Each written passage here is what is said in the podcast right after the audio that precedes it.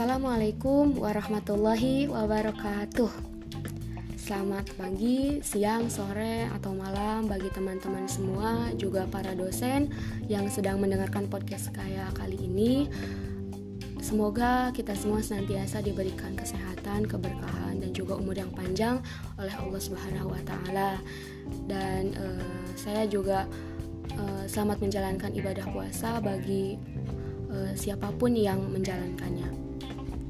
Perkenalkan, nama saya Mela Nurul Badriah dari Pendidikan Kewarganegaraan 2019A dengan NIM 1901654. Saya ingin memberikan komentar untuk kelompok 5 yang telah menyajikan presentasinya di mana kelompok 5 ini beranggotakan oleh uh, saudari Ica Suciati dan saudari Suci Mulyati. Sejauh ini uh, keduanya cukup uh, baik dalam menyampaikan materinya.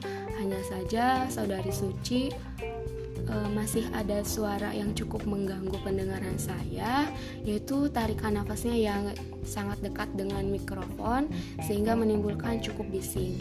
Kemudian uh, dari cara penyampaiannya menurut saya masih kurang komunikatif dan dari intonasinya masih monoton jadi sangat terdengar bahwa saudari Suci ini sedang membacakan teksnya, bukan sedang mempresentasikan materi.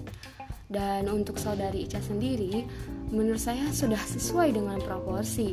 Saya suka dalam penyampaiannya, santai, komunikatif, singkat, padat, jelas, dan dapat dipahami tentunya. Ada, uh, adapun dari segi materi, saya setuju dengan materi yang telah disampaikan oleh Saudari Suci, di mana kursus metode sosial ini saya rasa dapat menjadi program alternatif di dalam pendidikan Indonesia agar guru sekolah dasar dalam mengajar ilmu sosial dapat memahami secara mendalam mengenai pembelajaran IPS yang nantinya guru-guru tersebut dapat melahirkan keterampilan untuk membuat ide-ide besar yang dapat dipahami oleh peserta didiknya. Kemudian, eh, selain komentar, saya juga memiliki sebuah pertanyaan yang ditujukan oleh eh, bagi kelompok 5 itu eh, mengapa kursus metode sosial ini dikatakan banyak sekali tuntutannya?